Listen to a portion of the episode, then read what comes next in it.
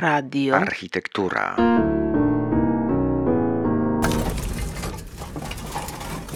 Zapraszamy do posłuchania wykładu Błażeja Brzostka, historyka i historyka miast, wygłoszonego podczas Bazarchu w 2019 roku przy okazji premiery książki Despiny Stratigakos Gdzie są architektki? Architektury zaprasza na pierwsze spotkanie z dwóch dzisiejszych, ale z wielu, które nastąpią jeszcze w przyszłości, pod hasłem Płeć Architekta, y, które, ym, która to seria spotkań jest związana i wywołana publikacją tej książki, Gdzie są architektki, Despiny Stratigakos, y, która opowiada o sytuacji mm, kobiet w architekturze w ujęciu historycznym, lekko, z lekką tezą, e, z którą właśnie zamierzamy wszyscy teraz się mierzyć i dyskutować. E, Błażej Brzostek, historyk, historyk miasta, specjalista od pisania alternatywnej historii i historii opartych na innych źródłach, opowie o meandrach pracy historyka związanych związanych z pracą na źródłach w zasadzie głównie, pisaniem, przepisywaniem, niepisaniem historii. E, nie wiemy co usłyszymy, ale będzie to na pewno bardzo ciekawe. E, zapraszam. Mam tutaj usiąść? Gdzie sobie życzysz? Muszę siedzieć, tak? Żeby. Spoko. Dziękuję bardzo. Jest mi bardzo miło, bo temat, który został mi powierzony, żywo mnie interesuje, a ja pracuję między innymi w czymś, co się nazywa Instytut Narodowy, Instytut Architektury i Urbanistyki. I z tej racji bywam na różnych eventach, konferencjach, spotkaniach z udziałem architektów. I być może tutaj obecni mają podobne wrażenia, może nie jeżeli bywają w takich miejscach. Na ogół wygląda to w ten sposób, że za stołem siedzi kilku panów, przeważnie w wieku 60, plus, bardzo zadowolonych z siebie, którzy mówią o architekturze, a na sali siedzi mnóstwo młodych kobiet, które ich słuchają. I y, to widziałem na takich dużych konferencjach architektonicznych. No właśnie. Ale ja jestem tu sam i nie mam jeszcze 60 plus. W każdym razie y, to słuchanie ze strony studentek architektury, panów profesorów, jest takim bardzo typowym zjawiskiem. I jak rozmawiałem z różnymi osobami, które studiowały architekturę, y, to powtarzała się taka opowieść, że na roku przeważnie była większość dziewczyn lub pół na pół po czym po zakończeniu studiów one wszystkie praktycznie znikały z pejzażu architektonicznego, przenosiły się albo do jakiegoś życia, o którym niewiele wiadomo, albo do wnętrzarstwa. I tak na przykład w Białymstoku są dwa kierunki architektoniczne. Jeden się nazywa architektura wnętrz i tam jest przeważająca większość kobiet.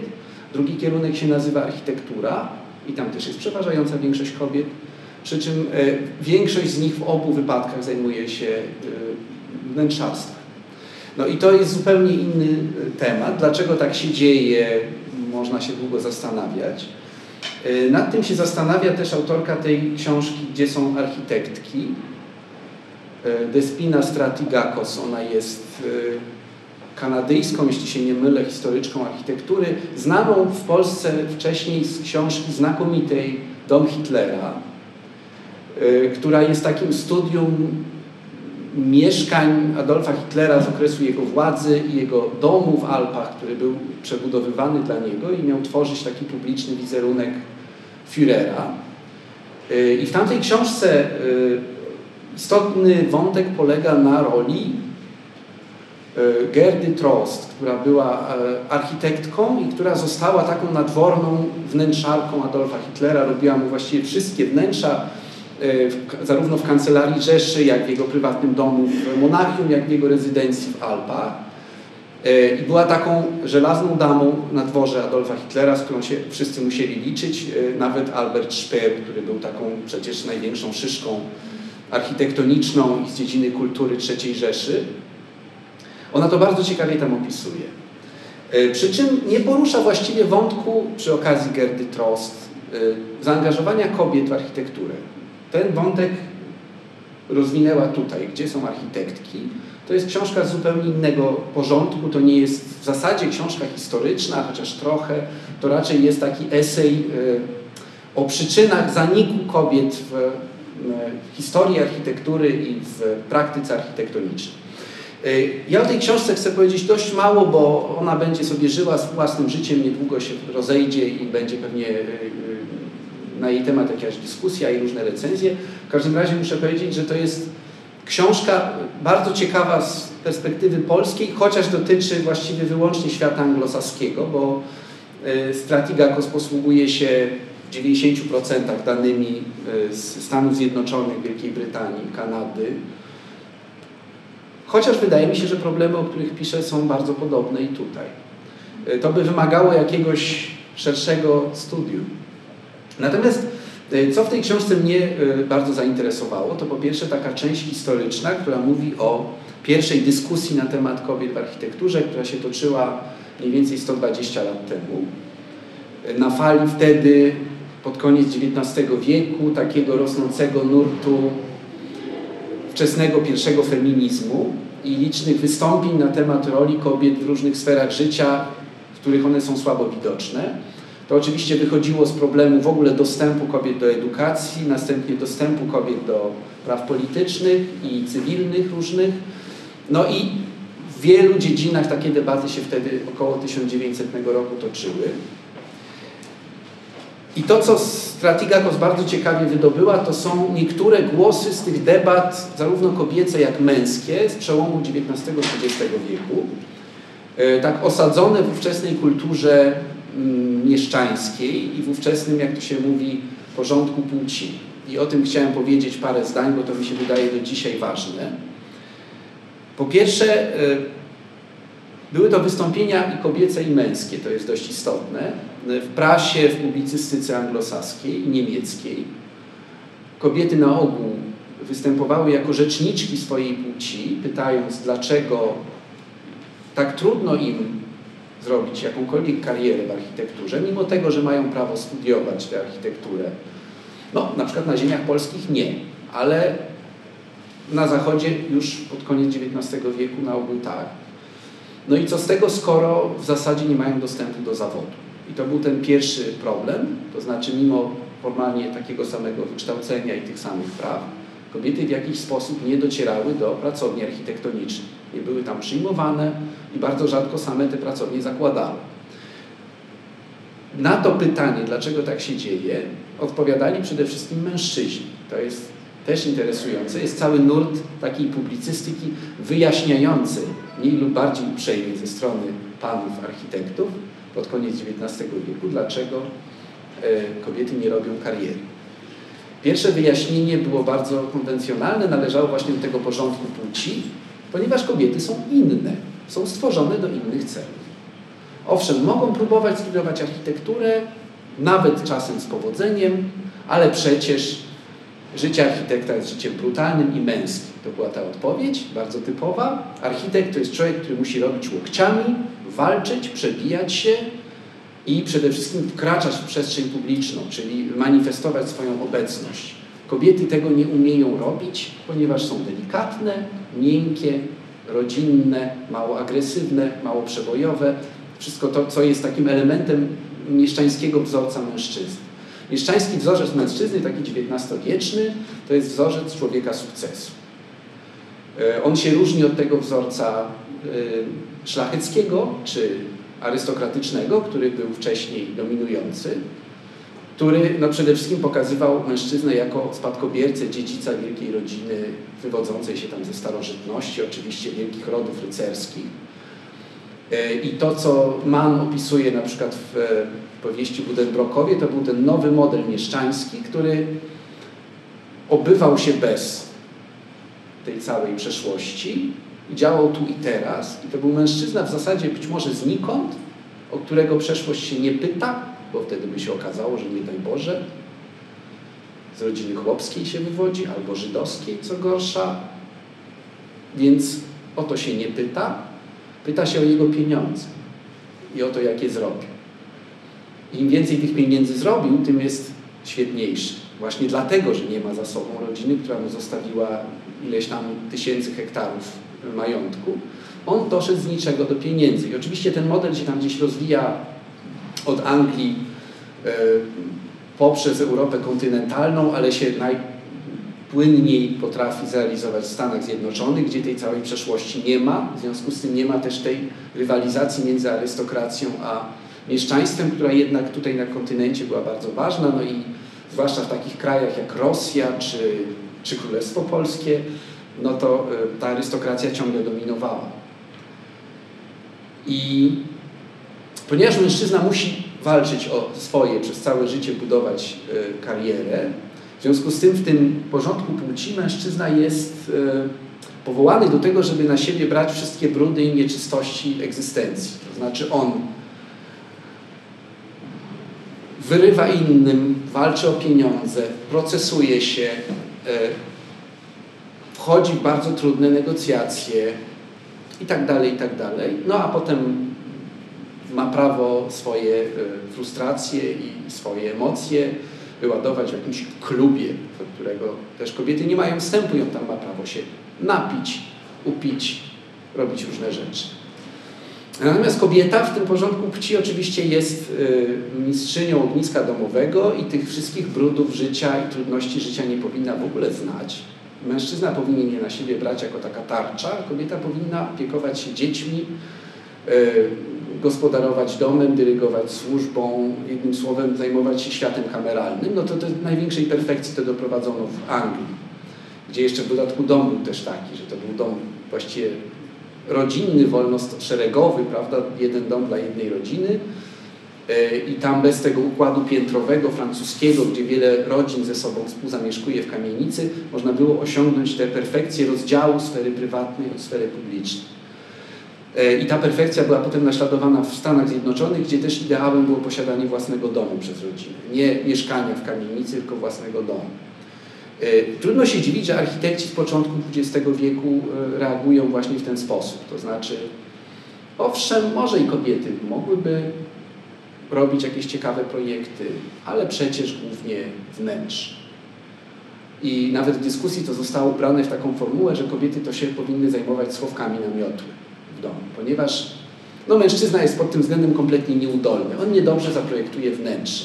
Kuchnia zaprojektowana przez mężczyznę będzie niewygodna, będą z niej wychodzić złe obiady, sypialnia zaprojektowana przez mężczyznę będzie jakaś taka mało E, przytulna, a schowek na miotły będzie taki, że żadnej miotły się tam nie da schować. I to mężczyźni przyznają.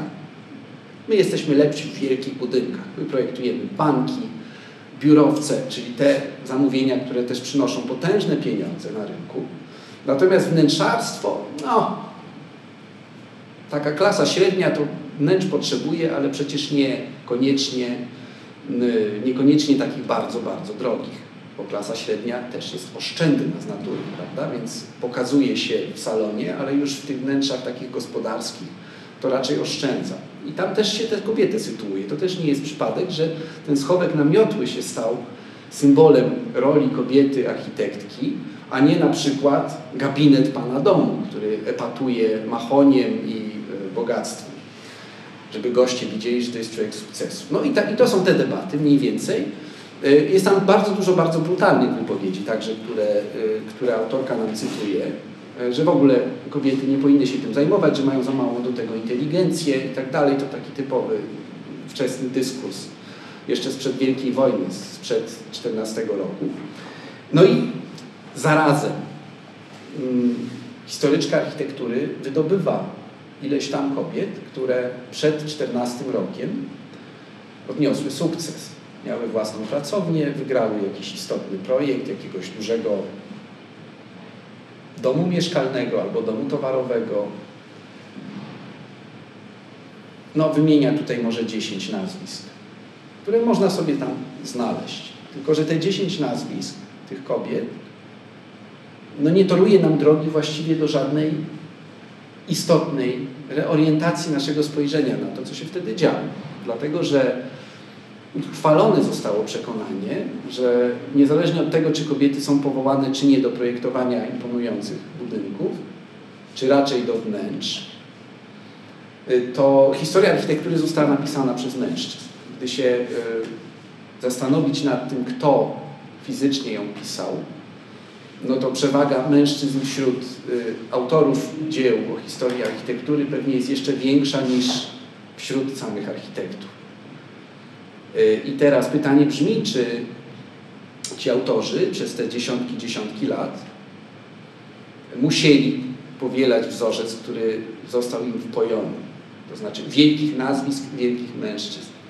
Pewnie nie musieli, ale wszystko ich do tego skłaniało. Dlatego, że no umówmy się, każdy autor podręcznika historii architektury przede wszystkim bazuje na innych podręcznikach, które wcześniej napisano i przeważnie próbuje to ubrać w jakąś nową formułę, ale materiał ma ten sam. I musiałby sobie postawić specjalnie jakieś pytanie. Dlaczego tego pytania sobie y, nie stawia? Dlaczego sobie tego pytania nie stawiamy? Co też autorka tutaj y, nad tym się szeroko rozwodzi. No pewnie dlatego sobie go nie stawiano, y, że samo jego postawienie wymagałoby dużego wysiłku w odszukaniu interpretacji źródeł, które są nieoczywiste. I tu zarówno w historii międzynarodowej architektury, jak polskiej, oczywiście każdy, kto chce, to znajdzie. I znajdzie Cyrkusową, i znajdzie Skibniewską, i znajdzie jasne Strzałkowską Ryszkę, i znajdzie jeszcze ile chce osób, które robiły ważne projekty. Tylko na tym polega też pewna pułapka historii kobiet, ponieważ logika jej pisania, co mam wrażenie też jest w jakiejś mierze pułapką, w jaką wpada autorka. Logika jej pisania jest zasadniczo inna niż pisania tak zwanej zwyczajnej historii architektury. Mówiący czy piszący o architekturze w ogóle i jej historii, jakoś tak spontanicznie wydobywa po prostu ważne dzieła i w ślad za tymi dziełami, które uchodzą za ważne, wydobywa nazwiska ich autorów, albo odwrotnie, ale tak czy owak jest to pewien kanon. Natomiast pisanie historii kobiet architektek siłą rzeczy musi być wyszukiwaniem, wyszukiwaniem, wyszukiwaniem. Tam kanonu w zasadzie nie ma. I teraz y, zawsze pada wtedy argument, że no, jeśli chcecie, to wyszukacie oczywiście. No, wyszukacie i napiszecie historię alternatywną, ale czy ona będzie miała takie znaczenie? Ileż tych wielkich, ważnych budynków zaprojektowały kobiety? No udowodnicie, że pewnie ileś tam jakichś ciekawych budynków tak.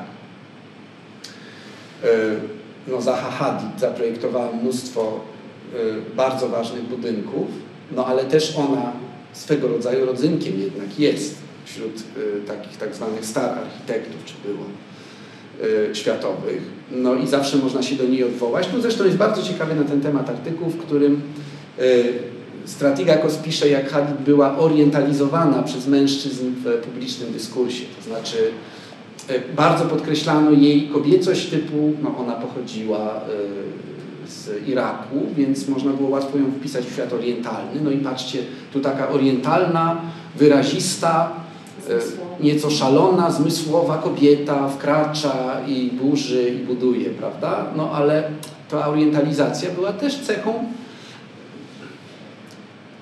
opisu mniejszości. Orientalizowano prawie zawsze mniejszości. Orientalizowano w Polsce ludność żydowską, orientalizowano ludność romską, jeśli to, to dzisiaj robi. Orientalizowano w Polsce Bałkany, na Bałkanach orientalizowano Turcję. W Turcji orientalizowano wszystkie kraje bardziej na południowy wschód od Turcji. I każda z tych e, części była takim kręgiem, który sam sobie chciał się wydawać czymś lepszym i orientalizował tych sąsiadów, którzy byli gorsi. E, z tego punktu widzenia miasta siebie też orientalizują nawzajem e, i no, to jest taka klasyka. Można usłyszeć w Wiedniu, no, że Wiedeń jest wspaniały, ale jednak Paryż, w Budapeszcie można usłyszeć, że Budapeszt jest świetny, ale jednak Wiedeń. W Bukareszcie można usłyszeć, że Bukaresz jest świetny, ale jednak Budapeszt i tak dalej, i tak dalej. Gdzieś tam trafiamy w końcu do Skopie. W Skopie się dowiadujemy, że Sofia to jest taka wielka metropolia, natomiast no cóż, Czarnogóra ma jeszcze gorzej, bo jej stolica jest jeszcze gorsza niż Skopie. prawda? No a tam w Podgoricy to już nie wiem, czego się dowiemy, że może być gorsze jeszcze od Podgoricy, może Tirana, wątpię. W każdym razie y, to są te orientalizacje i całe kręgi, których y, się jakoś półświadomie tkwi. I mam wrażenie, że tutaj ten rozdział o Hadid jest przykładem tego, to znaczy jak kobieta zyskuje sobie ważne miejsce, ale jednak zawsze potrzebuje jakiejś dodatkowej pieczątki. Zawsze potrzebuje jakiegoś uzasadnienia, czy jakiegoś wyjaśnienia tego, skąd ona się wzięła i dlaczego jest taka, jaka jest.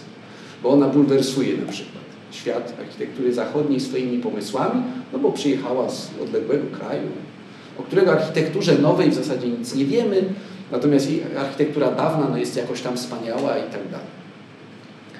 Y, to są tego typu, moim zdaniem, y, zjawiska, które można też świetnie chyba pokazać w, w historii architektury polskiej, nad czym się trochę zastanawiałem i wyszło mi rzeczywiście, że przeważnie kobiety były wybitnymi, ale żonami swoich mężów. Mamy Oskara Hansena i jego żonę. Mamy Brukalskich, czyli Brukalskiego i jego żony jednak. No może z Sylkusami jest inaczej w jakiejś mierze. Natomiast architektki inne ważne, no jak ta na przykład Jasna Strzałkowska, o której mówiłem, są ważne dlatego, że robiły coś innego. Na przykład Strzałkowska projektowała metro w latach 70. i yy, no dzisiaj uważa się ją za bardzo ważną, bo wymyśliła, że do metra powinny być pochylnie dla wózków i wszędzie powinny być windy. Pochylnie dla wózków. Przy czym dla wózków oczywiście nie inwalidzkich, tylko dziecięcych. To jest to pierwsze skojarzenie. Kobieta projektuje dla innych kobiet, bo inne kobiety pchają wózki, prawda? I e, oczywiście ona po doświadczeniach skandynawskich, tak jak wielu polskich architektów wówczas, którzy się inspirowali Skandynawią w tym PRL-u, próbowała coś zmienić.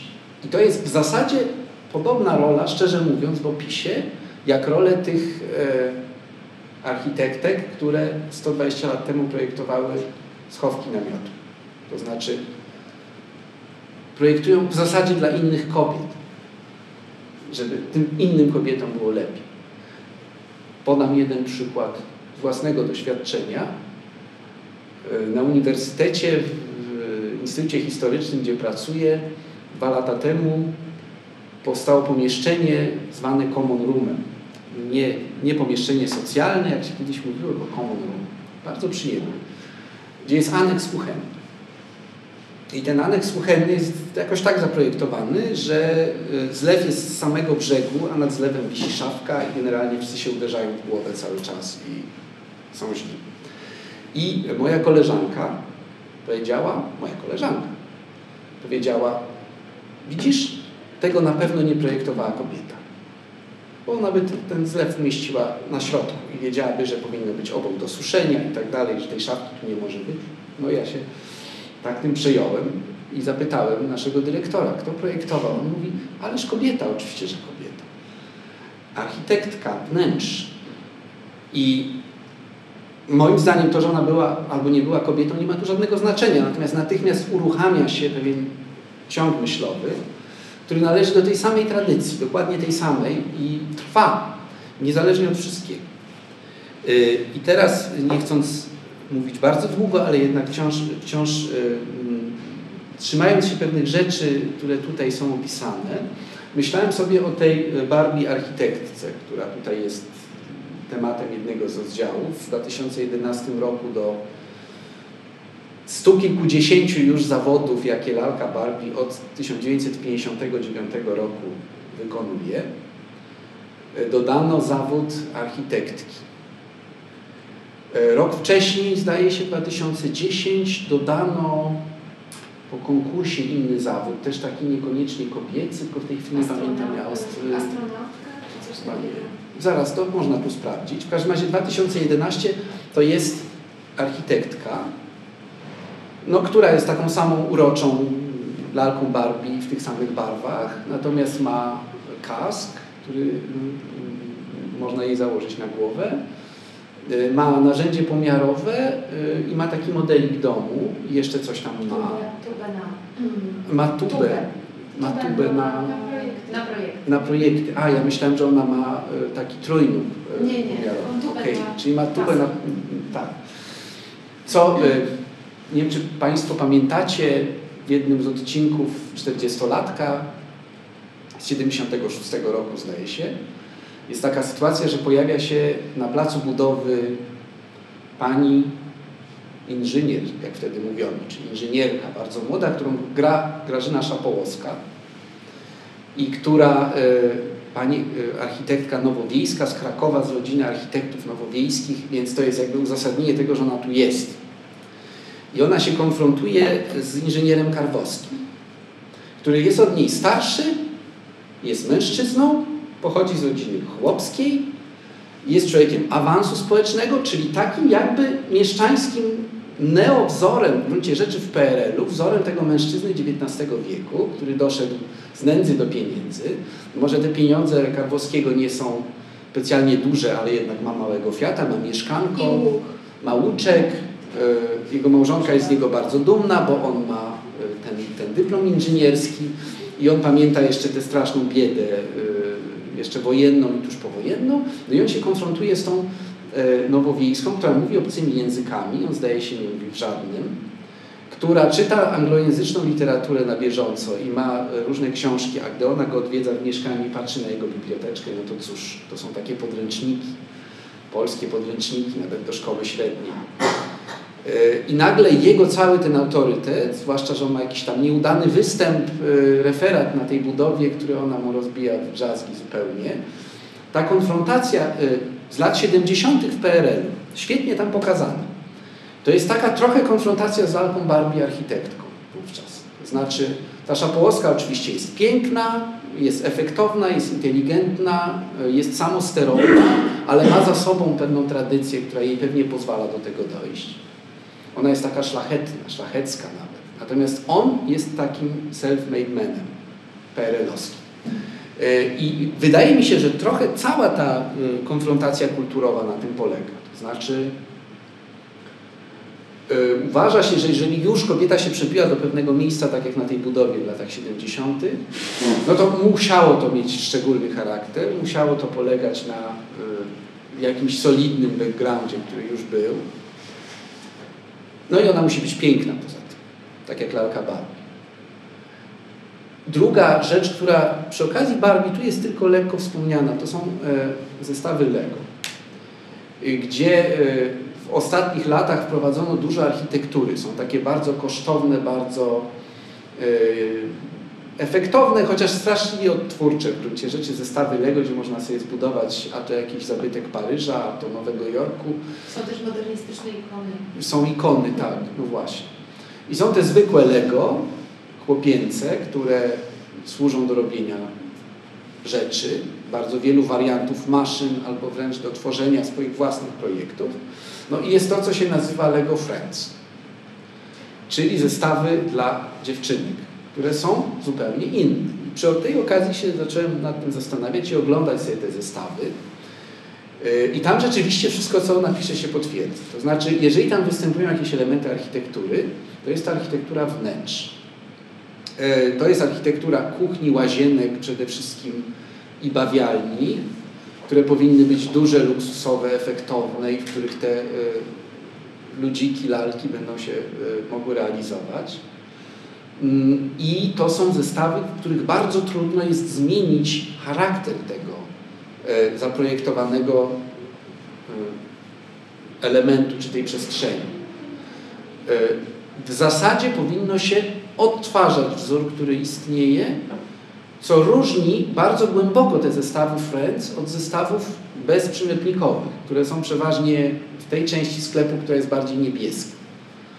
I każdy wchodzący do tej części wie, że powinien iść w stronę niebieskiego, jak ma synka, i w stronę różowego, jak ma córeczkę. I tam, jak pod sznurek jest prowadzony przez designerów, którzy to wymyślają, ku pewnym odpowiedziom.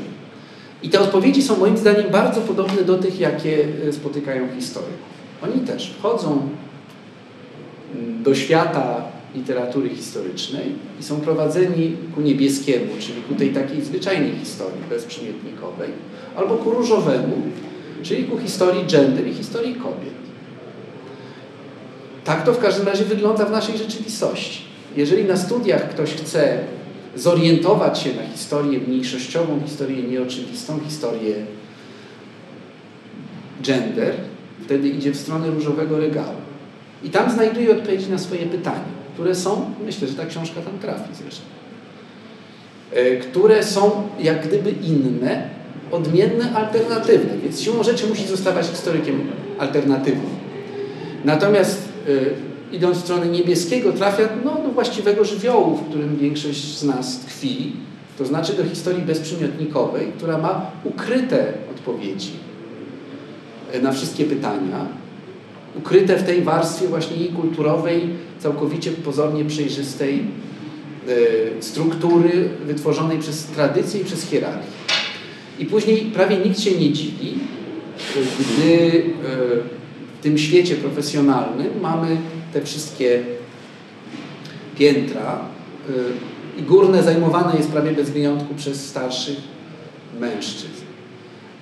Im niżej na tych piętrach, posuwając się w stronę studiów, tym więcej jest kobiet, a na studiach może być większość.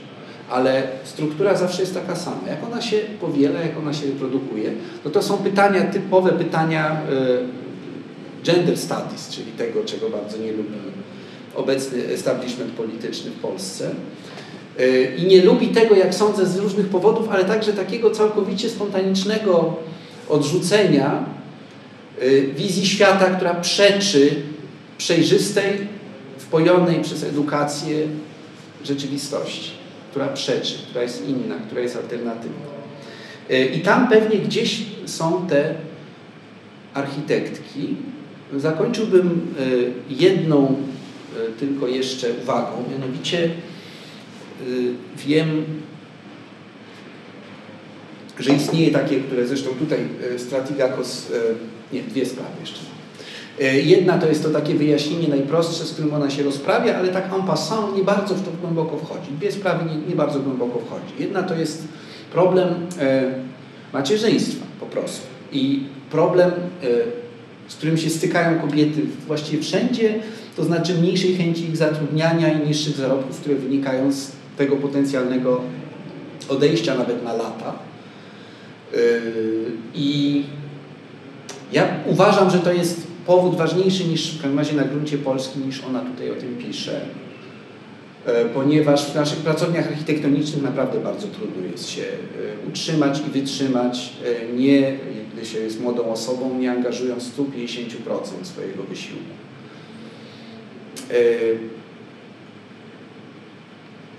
Znam małżeństwo, które wspólnie pracowało po studiach w jednej z topowych polskich pracowni. I e, praca tam polega na tym, że bez przerwy robili projekty, projekty, projekty, projekty.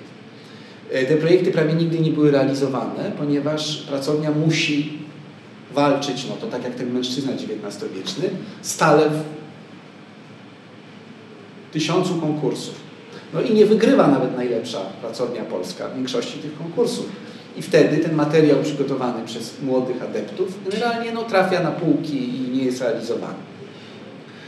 E, to małżeństwo, o którym mówię, bardzo się wybijało i udało im się e, przed 30 osiągnąć taką pozycję, w której już ona robiła własny projekt. I dostała nagrodę za ratusz w jednym z polskich miast, bardzo efektowny, po czym zaszła w ciąży. I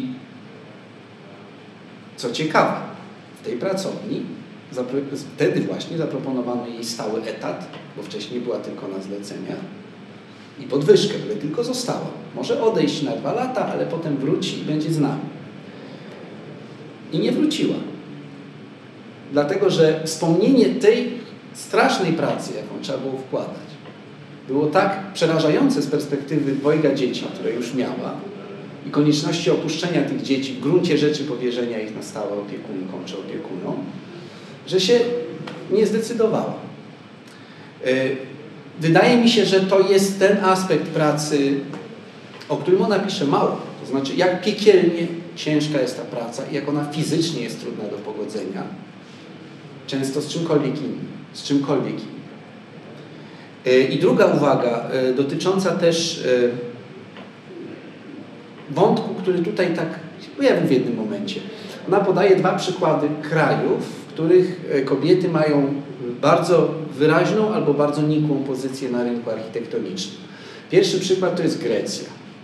gdzie według danych z lat nastych XXI wieku 58% aktywnych architektów to były architektki. 58%, co stanowi w Europie jakiś ewenement. Aktywnych, nie studentek, nie początkujących, tylko aktywnych, które prowadzą własną praktykę. 58%. I Stratigakos zestawia to, zderza to z danymi Estonii, gdzie architektek jest 15%. No i tak to zostawia, że tu macie jeden świetny przykład i jeden taki odpychający. No ale kto pojedzie do Grecji, kto pojedzie do Estonii i przyjrzy się pejzażowi tych krajów, od razu widzi, na czym polega patologia Grecji. Mianowicie całkowicie chaotycznej zabudowie mieszkaniowej, która wdziera się wszędzie, która w dużej mierze jest nigdy nieukończona, ponieważ to są kredyty i różne metody wyciągania pieniędzy, y, żeby domu nigdy nie skończyć, żeby na przykład on był w postaci jednego piętra i to drugie wciąż jest w budowie, bo to daje jakieś tam ulgi. Wszystko jedno. I Estonia, która osiągnęła po 1989 roku chyba jako jedyny kraj postsowiecki naprawdę skandynawski y, standard y, zagospodarowania przestrzennego. Ja chyba się domyślam, dlaczego te dane tak wyglądają. Otóż w Grecji pozycja zawodu architekta jest niska. Projektuje się w dużej mierze fejkowe projekty, w gruncie rzeczy po to, żeby były podkładki pod inwestycje i cały rynek architektoniczny jest skażony typową dla tamtego kraju korupcją. Natomiast w Estonii władze publiczne w niesłychanie rygorystyczny sposób dbają o ład przestrzenny, co sprawia, że uprawianie zawodu architekta jest bardzo trudne i prawdopodobnie związane z wyższymi zarobkami. I nie jest to żadne odkrycie, że do bardzo wielu dziedzin życia w XX wieku kobiety, e, jak to mówiono, feminizacja zawodów następowała. Trafiały wtedy, gdy relatywne dochody w tych e, dziedzinach malały. Jest taka bardzo ciekawa książka Renaty Tulli e, o zawodzie fryzjera w Polsce Ludowej, kompletnie nieznana, wydana jako praca socjologiczna w latach 60., gdzie ona pokazuje, jak czysto męski zawód fryzjera w latach 30. stał się niemal czysto żeński w latach 60., a wynikało to z tego, że mężczyźni już nie chcieli go wykonywać. Więc ten typ przemian e, na rynku wydaje się bardzo uniwersalny i bardzo charakterystyczny i także wiąże się chyba z tym. To znaczy, kobietom jest trudniej w zawodach, w których się zarabia dużo, które są prestiżowe, które są jak gdyby rzadkie rynkowo. Natomiast wszelka popularyzacja zawodu, jego, e, jak to nazwać, no, takie uśrednienie e, powoduje feminizację. Tak w każdym razie to chyba wyglądało w XX wieku i takie mogą być skutki. E, tu skończę. Bardzo jestem ciekaw reakcji. Byłoby świetnie, gdyby Państwo mieli jakieś pytania. Ja tylko się odniosę do przedostatniej Twojej kwestii. Yy, gdy powiedziałeś, że autorka sygnalizuje i zostawia kwestię macierzyństwa, ona rzeczywiście to zostawia z, z pełną świadomością, yy, powołując się, z tego co pamiętam, na brak badań mm. tak naprawdę. Zresztą wiele wątków w tej książce jest zasygnalizowanych i nierozstrzygniętych właśnie ze względu na na, no żyjemy w czasach, kiedy dopiero teraz y, prowadzi się takie badania. Ale ja miałem na szczęście nie jesteśmy, znaczy na szczęście y, naukowe podejście w tej chwili y, do kwestii gender jest rozwijane, a nie tylko aktywistyczne. Mnie to cieszy, bo Mhm. daje to bazę do, do dalszej analizy przemyśleń. Ona pisze, że ją zastanawia kwestia taka, że zawód na przykład lekarza, lekarki jest, jak się wydaje, równie wymagający i trudny. Praca w szpitalu, praca na, przy stole operacyjnym i tak dalej jest, a jednak tam jest o wiele więcej kobiet i ona, mimo że przecież też y, zostają matkami, ona to podrzuca, prawda? Też jako... Tak, ale na to od razu odpowiem, że y, o ile wiem z moich własnych doświadczeń i wielu innych, y, w izbie porodowej jest przecież tak, że tam wokół kobiety, która czeka na narodzinę dziecka, się kręcą inne kobiety, aż dochodzi do tego momentu, w którym Kraczy lekarz. lekarz, mężczyzna i on, wtedy wszyscy muszą się stawić kółeczko wokół niego i on dokonuje tego właściwego. Więc ta hierarchia ciągle jest. Jest oczywiście, prawda? to ordynator. chirurg robi ważne operacje, a potem pielęgniarki się opiekują No dalej i przyjmują dzieło, kiedy już nie trzeba podejmować Tak. ważnych decyzji. Jasna sprawa. Ale to jakby mm, nie dziwimy się temu, no, wiemy skąd, skąd to jest i dlaczego tak jest. Natomiast z tym macierzystwem to, co mnie zastanawia, bo ona y, pisze, ona tam dalej ciągnie ten wątek macierzyństwa, mówiąc, że y, z, z, y, obwiniając o, y, o brak y, matek architektek w zawodzie przy jednoczesnej obecności matek prawniczek czy matek jednak lekarek, obwinia po prostu wyjątkowo zmaskulinizowaną kulturą y, w świecie architektury i budownictwa. Jest, to jest je- jedyne, co ona Mhm. dalej, w jakiś sposób ona dalej ciągnie ten wątek, ale rzeczywiście więcej się nie dowiadujemy, czekamy po prostu na kolejne książki. może. No.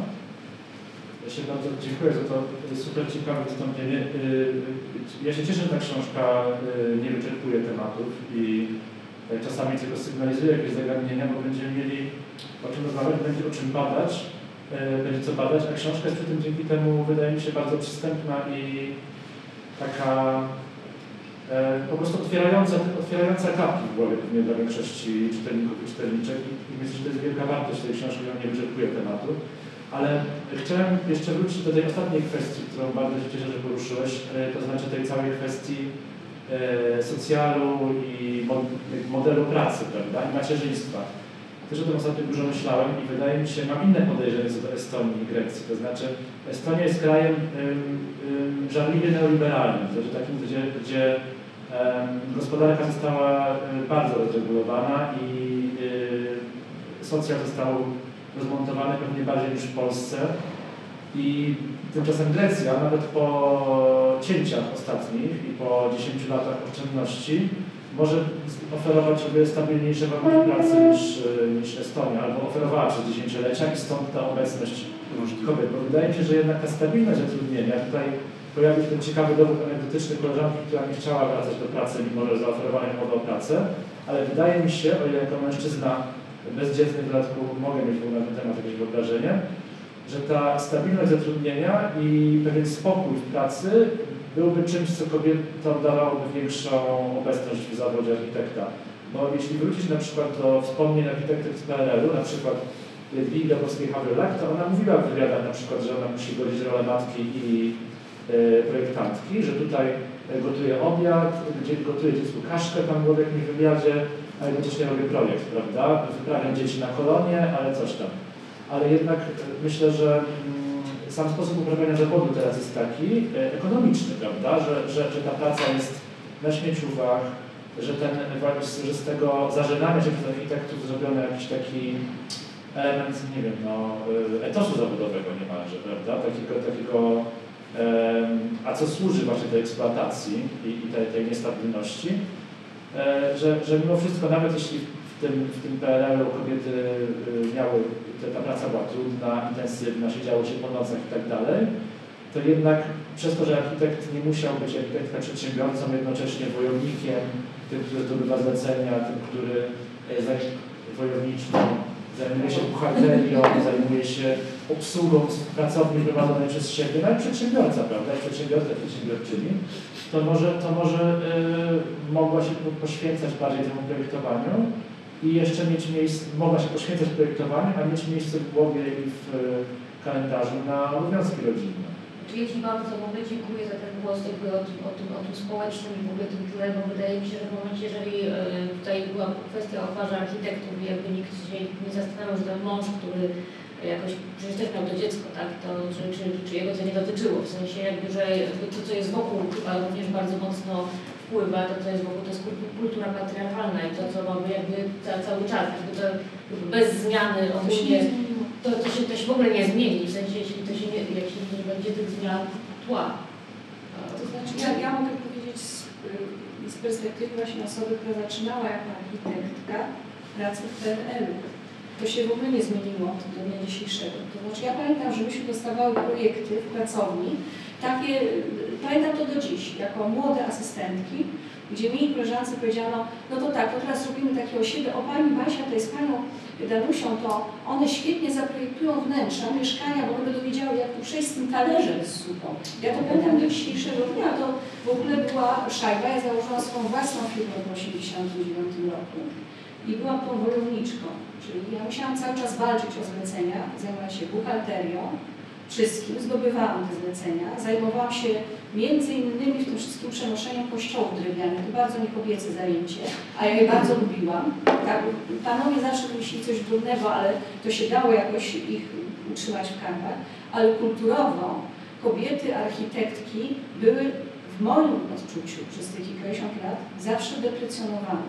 Znaczy, jak spotykałam kolegów, którzy robili karierę na przykład na uczelni, na której, którą ja kończyłam, na Politechnice Śląskiej, to on się mnie pytaje, a co ty teraz robisz? Ja zajmuję się y, konserwacją zabytków, y, y, obiektami zabytkowymi. O, to szkoda. I to było, to było zawsze tak, że było coś do tyłu. I do dnia dzisiejszego tak jest. Jeżeli my mamy, akurat nie chcę tutaj włączać żadnych wątków politycznych, ale jeżeli Korwin-Mikke potrafi powiedzieć, że kobiety są mniej inteligentne, czyli znowu w świat są puszczane takie sygnały. Jesteśmy w, w świecie patriarchalnym, tak bardzo patriarchalnym, że według mnie to, co mówi, to jest, jeżeli to się nie zmieni, to zawsze będziemy co najwyżej y, lalkami Barbie, które dostaną bardziej nowoczesne narzędzie do projektowania. Może pojawi się nagle laptop przed tą lalką Barbie. Hmm. A y, ja zresztą sama mieszkam na Żoliborzu, gdzie są przecież brukalscy, są różne ludzie i zawsze się mówi o brukalskiej, że ona to głównie ogrody projektowała. Że ona nie bardzo projektowała, zajmowała się architekturą. Kobieta zawsze przy mężu. I y, z mojego pokolenia bardzo wiele moich koleżanek pracuje w urzędach. Architektki, które pracują w urzędach, zajmują się legalizacją różnego rodzaju decyzji, przeważnie mają mężów architektów, którzy właśnie brylują na salonach, bo mają swoje pracownie. I to, to jest według mnie kwestia kulturowa, kwestia patriarchatu i to trzeba zmienić w inny sposób. Nie chcę tu mówić o Estonii czy o Grecji, bo to jest dla mnie w ogóle inny świat. Ja mogę mówić o tym, jakie są doświadczenia tym nas. Tak, ta książka mówi generalnie o innym świecie, bo ona jest napisana oczywiście przez kanadyjską badaczkę zresztą greckiego pochodzenia. Mianowicie w świecie anglosaskim, tak jak Błażej to powiedział. No ale y, cóż, y, czekamy po prostu na kolejne książki. Może, może zresztą pe, pewne, pewne publikacje na ten temat już powstały. Tak mi się wydaje, że Bułgarska, bo to jest chyba architektura, która jest bardzo teraz badana, śledzona. Teraz tak. Od, no już od jakiegoś dłuższego czasu, ale właśnie ona jest dobrym przykładem, bo tutaj padło to, że były te duety architektoniczne Mhm. przed wojną, ale też ona też jest jakby, też w pewien sposób trafia do pewnej szuflady, ponieważ ja zaglądałam do teczki studenckiej Bułgarskiej, to mi bardzo wiele powiedziała między innymi o macierzyństwie, ponieważ jak wiemy, Bułgarska miała dzieci. E, Studiowała bardzo długo, studiowała 8 albo 10 lat, ja już nie pamiętam teraz, natomiast tam przewijają się podania w tej teczce, że ona prosi o przedłużenie toku studiów, o odroczenie, na przykład o tak zwany urlop dziekański, bo ona musi zająć się swoim dzieckiem. Co nie przeszkodziło jej w tym samym czasie budować WSM, czy dać poradnie takie, e, no właśnie, dobrze mieszkać. Natomiast ona to właśnie mogła tylko dlatego robić, że miała męża architekta, dlatego że, żeby ona uzyskała uprawnienia budowlane, musiała mieć dwa lata praktyki. U swojego męża po skończeniu studiów. I jakby to w pewnym sensie załatwiało ten cały proces wchodzenia na rynek. To trwało dosyć długo. Także Bułgarska mi się wydaje jest takim bardzo w ogóle dobrym przykładem. To jest w ogóle niezwykła architektka pod wieloma względami. Też otwierania różnych e, e, nowych, e, nawet takich warstw postrzegania architektury w ogóle definiowania architekta. Ale macierzyństwo też miało duże znaczenie. Też dlatego, co projektowała, jakie rzeczy pozostawiła i też właśnie to, jak ta cała jej kariera zawodowa, ponieważ nie mamy monografii, tak nie możemy też prześledzić tego, jak, jak to do końca wyglądało. Ale Pani Ale też ważną rzecz. Pani powiedziała, że Brukalska miała dzieci, to Brukalscy mieli dzieci. I to właśnie... Natomiast w teczce studenckiej Bułgarskiego nie ma żadnego odróżnienia studiów. No więc właśnie, niby oboje mieli dzieci, ale ona chyba trochę bardziej. Tak, no tak. I to chyba jest schemat wciąż obowiązujący, Tak, tak. że kobieta ma dzieci bardziej niż mężczyzna. Y, Mimo tego wszystkiego, co teoretycznie się zmieniło w tej, znaczy praktycznie się zmieniło. Y, I y, to jest bardzo spontaniczne, zresztą ja miałem niedawno okazję robić taką redakcję książki, która była zapisem warsztatów dotyczących m.in. osiedla w Lublinie projektowanego przez Hansenów. I tam autorzy bardzo zabawnie e, pamiętali na początku, że mają pisać o Hansenach, ale już w głębi tekstu to był tylko on. Tylko on. Ona, no, tam oni oboje byli, oni oboje, ale wtedy zawsze, gdy dochodzi do jakiejś poważniejszej analizy, to jest on. To też dlatego, że on był głosem tego małżeństwa wyraźnie, prawda? On publikował, on się wypowiadał, on miał wykłady. No, on się zapisał niejako, a jego żona była obok. I wydaje mi się, że y, to też jest kwestia trochę pracy nad źródłami, to znaczy Tak, obecność różnych postaci jest inaczej udokumentowana. I ten gender to jest taka sprawa no, dość oczywista i zarazem bardzo mało e, analizowana. Gender samych źródeł historycznych, które są produkowane w jakichś miejscach przez jakichś ludzi i do czegoś służą. Prawda? I potem my czytając je znajdujemy to, co nam łatwiej znaleźć. I tu się nakładają na siebie dwie e, bardzo potężne struktury. Jedna ma charakter historyczny, to znaczy nie ulega żadnej wątpliwości, że przez większość historii kobiety miały zupełnie inną rolę w porządku płci, dlatego nie występowały w źródłach praktycznie, na przykład historii politycznej. A z drugiej strony, i to jest dużo bardziej dole, dolegliwe, czy takie dojmujące, to dzisiejsi badacze mają ten mentalny, e, ukształtowany wzór, z którego sobie nie zdają w ogóle sprawy bardzo często powielając to, co w tych źródłach jest, a nie dyskutując z nimi, nie próbując ich rozbić. No bo to jest jeden z elementów tej pracy, żeby rozbijać, wydobywać rzeczy nieoczywiste, a nieoczywiste. I to jest element tego dyskursu, tylko teraz pytanie, dla mnie to jest bardzo poważne pytanie. Y, Na kogo ten dyskurs ma rzeczywisty wpływ? Czy to nie jest trochę y, rozmowa zawsze w tym samym kręgu? Zawsze tych samych osób, zawsze tych samych argumentów. No, to nie jest jednak tak, że to jednak potem ten mainstream to zaciąga. Tak. Jakby to im więcej Na tego początku zawsze się mówi do swojej. No, No, tak. Inni jeszcze nie wiedzą, że chcemy coś im powiedzieć. No ale ta rozmowa trwa od dlaczego? Ta rozmowa trwa od stu kilkudziesięciu lat, jak ona sama pokazuje. I ciągle wraca do tych Nie samych. Ja wydaje bym mi się. że dlaczego nie wierzyć w postęp. Ja pamiętam, jak w AIB akurat robiliśmy numer o architektów i to był 2009 rok i ja prowadziłam ten numer wówczas. Ja wymyśliłam ten temat i to była po prostu awantura, że co ja w ogóle wymyślam. Yy, I, i, a, a teraz minęło to kilka lat i ten temat jest, tak? Jakby w sensie takim, że jakby to są jakby kolejne kamyczki, w które wchodzą, pojawiają się publikacje kolejne i kolejne i za chwileczkę ci badacze z mainstreamu mogą nie sięgać, bo one będą po prostu dostępne. Nie, nie jestem wcale taki, takim optymistą. Bo, e, tu mógłbym się pokłócić, bo ja w ten postęp nie bardzo wierzę. Myślę, że to jest taka kraina dyskursu dzisiaj, jak zresztą wszystko, prawda? My żyjemy w takich czasach, w których najważniejszy jest dyskurs, e, który tam teraz ma dla siebie tysiące dróg, e, wiadomo, w rzeczywistości wirtualnej. E, I, i, i, I ta nowa plemienność, o której się też mówi, prowadzi do tego, że to są sąsiadujące ze sobą, ale obce plemiona. Jedno z plemion wierzy w ważność tego, e, e, tych spraw, a inne plemię, które chyba dominuje w tym kraju, nie wierzy. I nie bardzo mogę e, widzieć symptomy tego postępu. Znaczy, no jest to rodzaj regresu, ale ja z drugiej strony obserwuję mm, zjawisko, na które w tej chwili tu nie mamy czasu, ale które na pewno dotkniemy w kolejnym spotkaniu za pół godziny z serii Płeć Architekta, czyli kwestia języka, który wpływa na nasze postrzeganie. To jest y, stosunkowo świeży temat, y, czyli powrót do y, rozmowy na temat żeńskich końcówek, które jak się dowiadujemy też w sumie niedawno funkcjonowały znakomicie przed wojną, w PRL-u zostały zagubione i teraz ten temat wraca. On jest bardzo, e, on emocjonuje wszystkich.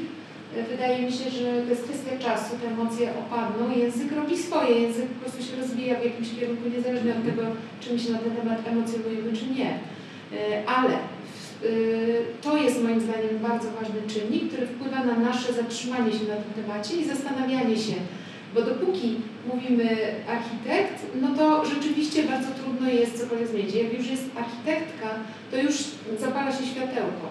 Tak, to jest moja y, y, teoria, być może też się mylę, ale ja tutaj widzę kierunek zmiany.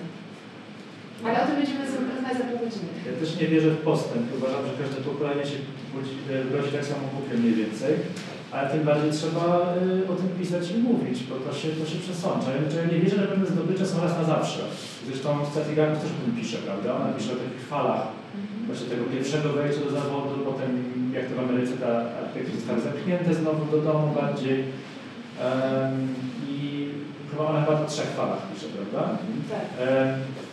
Trzeba, trzeba, y, trzeba przypominać, trzeba, trzeba będnić, bo inaczej nic się nie zmieni.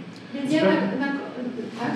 Ja, my, ja chciałem jeszcze a propos tego powiedzieć, że y, ten y, okres w historii Ameryki, który dzisiaj jest wspominany jako taki szczęśliwy, on ma swoje różne opowieści, ale to jest, są te takie słodkie lata y, wielkiej prosperity lat 50. i 60., taniej benzyny, wielkich domów, y, wielkiego komfortu i tak dalej. No to właśnie był z tego punktu widzenia okres straszliwego regresu. Bo to wtedy te bardzo tradycyjne kategorie triumfowały, to wtedy kobiety nie powinny były w ogóle uprawiać żadnych zawodów. E, To wtedy projektowano za gigantyczne pieniądze zupełnie oszałamiające e, wieżowce w Stanach Zjednoczonych i domy prywatne. E, I te słodkie lata, te najlepsze lata, to właśnie były lata z naszego punktu widzenia niesamowitego konserwatyzmu. To znaczy, wydaje, to znaczy, przepraszam, tak tylko refleksja, że z czyjej perspektywy te lata 50. były takie słodkie i wspaniałe, bo to jest też ciekawa rzecz, czy ktoś się zajął, jakby, czyja to jest narracja. Ale oczywiście, że tak. Oczywiście tak, no, ale tutaj możemy jakieś tam takie ad hoc paralele robić z Polską i pytać się, czy takie okresy y, względnej prosperity, zaspokojenia potrzeb, dużej konsumpcji, to nie są właśnie okresy wygasania tego typu y, dialogu, który staje się jakby niepotrzebny, no bo czemu ma służyć, skoro jest tak dobrze.